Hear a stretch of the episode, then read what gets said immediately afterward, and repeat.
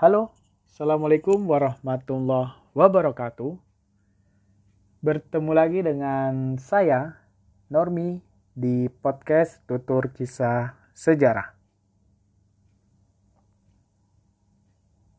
Pada tutur kisah sejarah kali ini, saya ingin menceritakan tentang bagaimana munculnya alam semesta dan juga manusia Silakan disimak.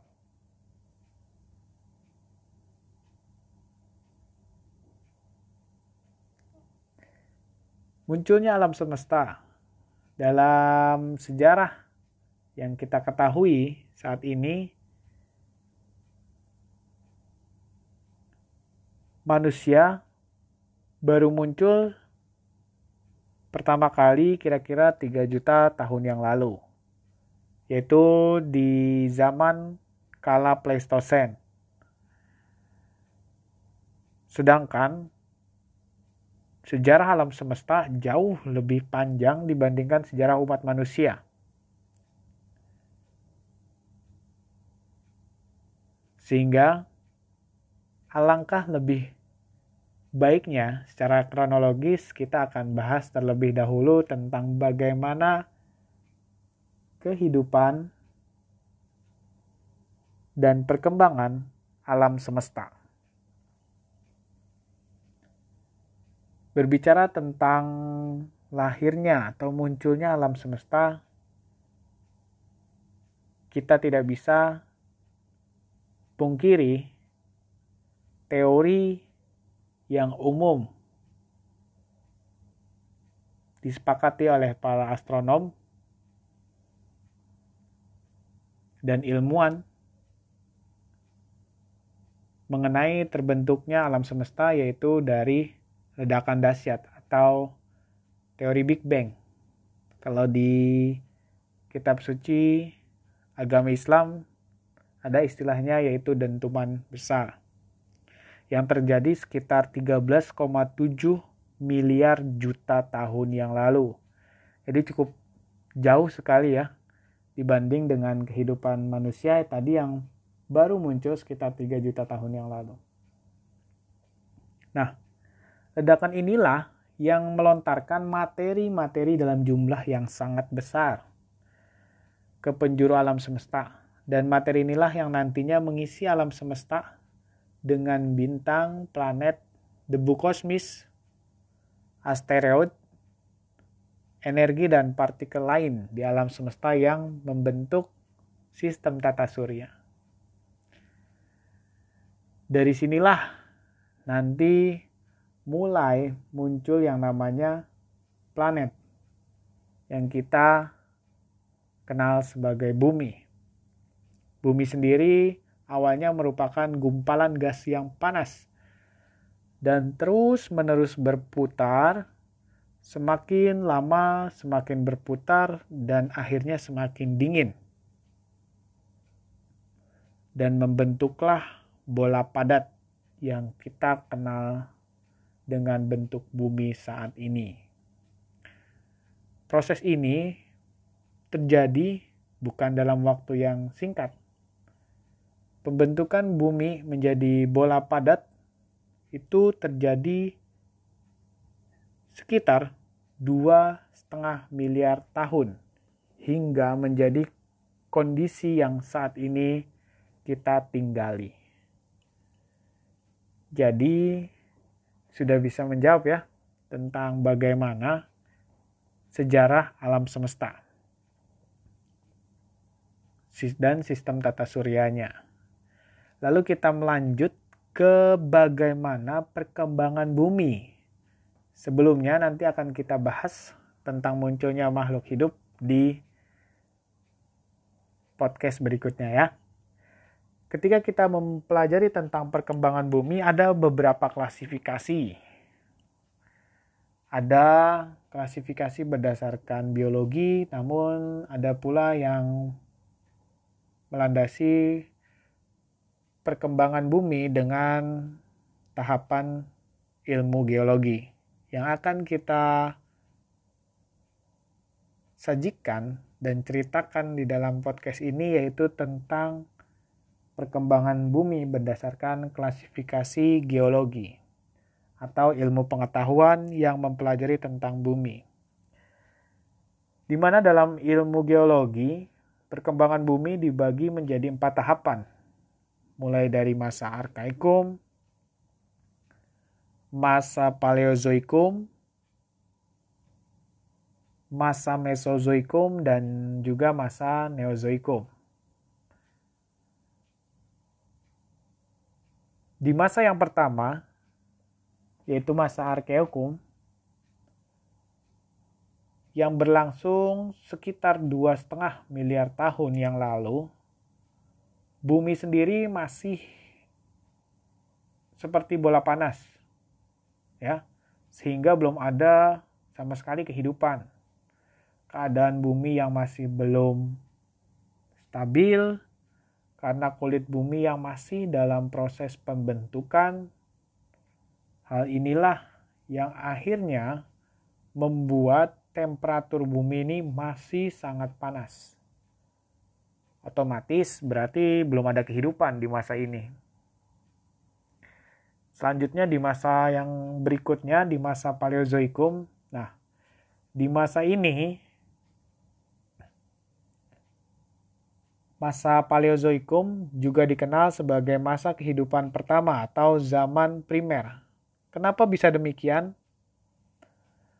Masa yang terjadi sekitar 500 sampai 245 juta tahun yang lalu,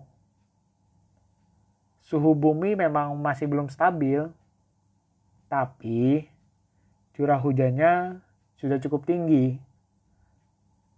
Sehingga lapisan kulit bumi sudah mulai bisa ditemukan makhluk bersel satu atau kita kenal sebagai makhluk mikroorganisme. Kenapa mereka bisa hidup? Karena temperatur bumi yang tadinya sangat panas, ya, kemudian sudah mulai mendingin. Hal inilah yang secara tidak langsung mendukung lahirnya mikroorganisme-mikroorganisme tersebut. apa saja mikroorganisme yang ada di masa Paleozoikum? Ya, mungkin kita bisa kenal sekarang itu ada makhluk hidup ya, sejenis ikan tak berahang seperti Trilobita. Selain itu juga ada hewan amfibi. Mereka hewan-hewan yang hidup di dua tempat.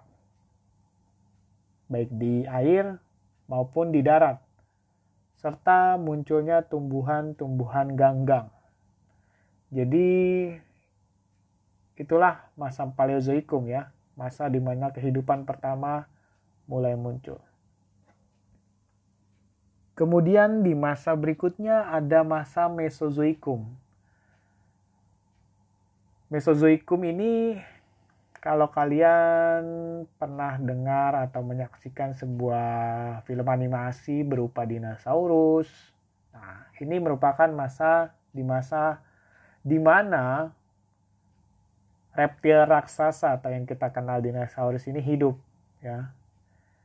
Karena masa Mesozoikum juga selain disebut sebagai zaman reptil, ya, disebut juga zaman kehidupan kedua atau zaman sekunder.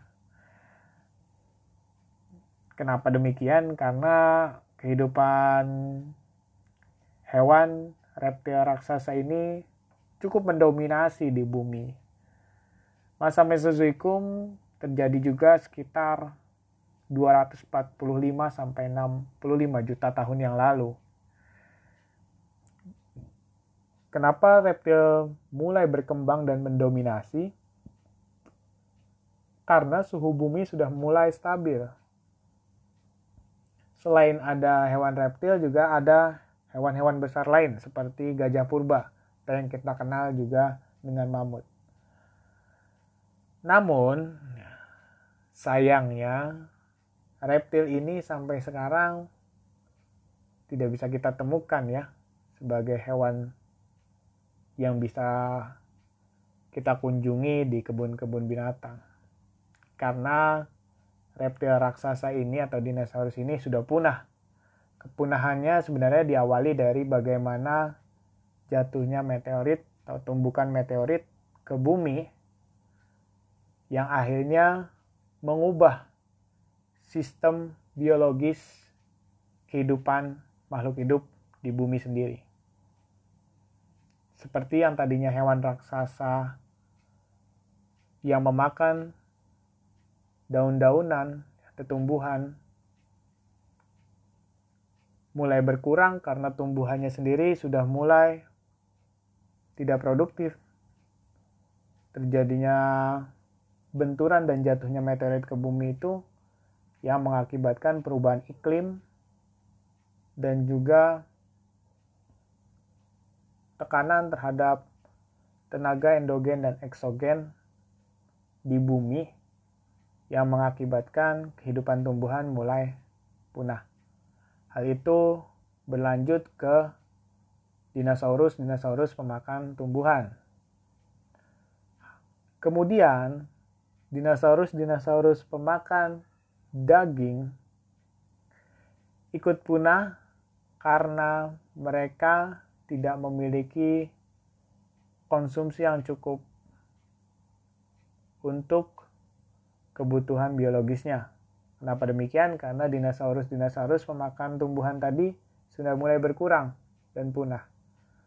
Dan hal itu berlanjut sampai yang tersisa hanya makhluk-makhluk hidup jenis mamalia. Mereka yang lebih kecil ukurannya tetapi mereka yang mampu bertahan karena mengkonsumsi tumbuhan atau hewan dalam jangka waktu yang panjang. Jadi itulah bagaimana pola kepunahan daripada reptil raksasa atau kita kenal dinosaurus. Kemudian di masa berikutnya ada masa Neozoikum. Di masa inilah nanti mulai muncul dan berkembang manusia-manusia purba. Neozoikum sendiri ini diartikan sebagai kehidupan yang baru, di mana Neo sendiri ini merupakan pengertian dari eh, bahasa Yunani ya secara etimologis Neodon Zoikum.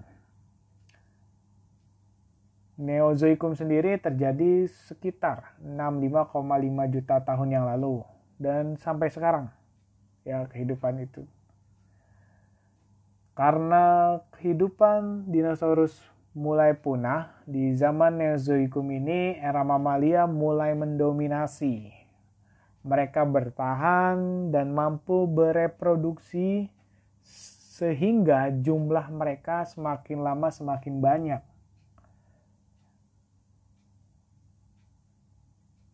Dan di masa Zekum Neozoikum inilah nantinya kita akan mengetahui tentang bagaimana munculnya kehidupan manusia purba.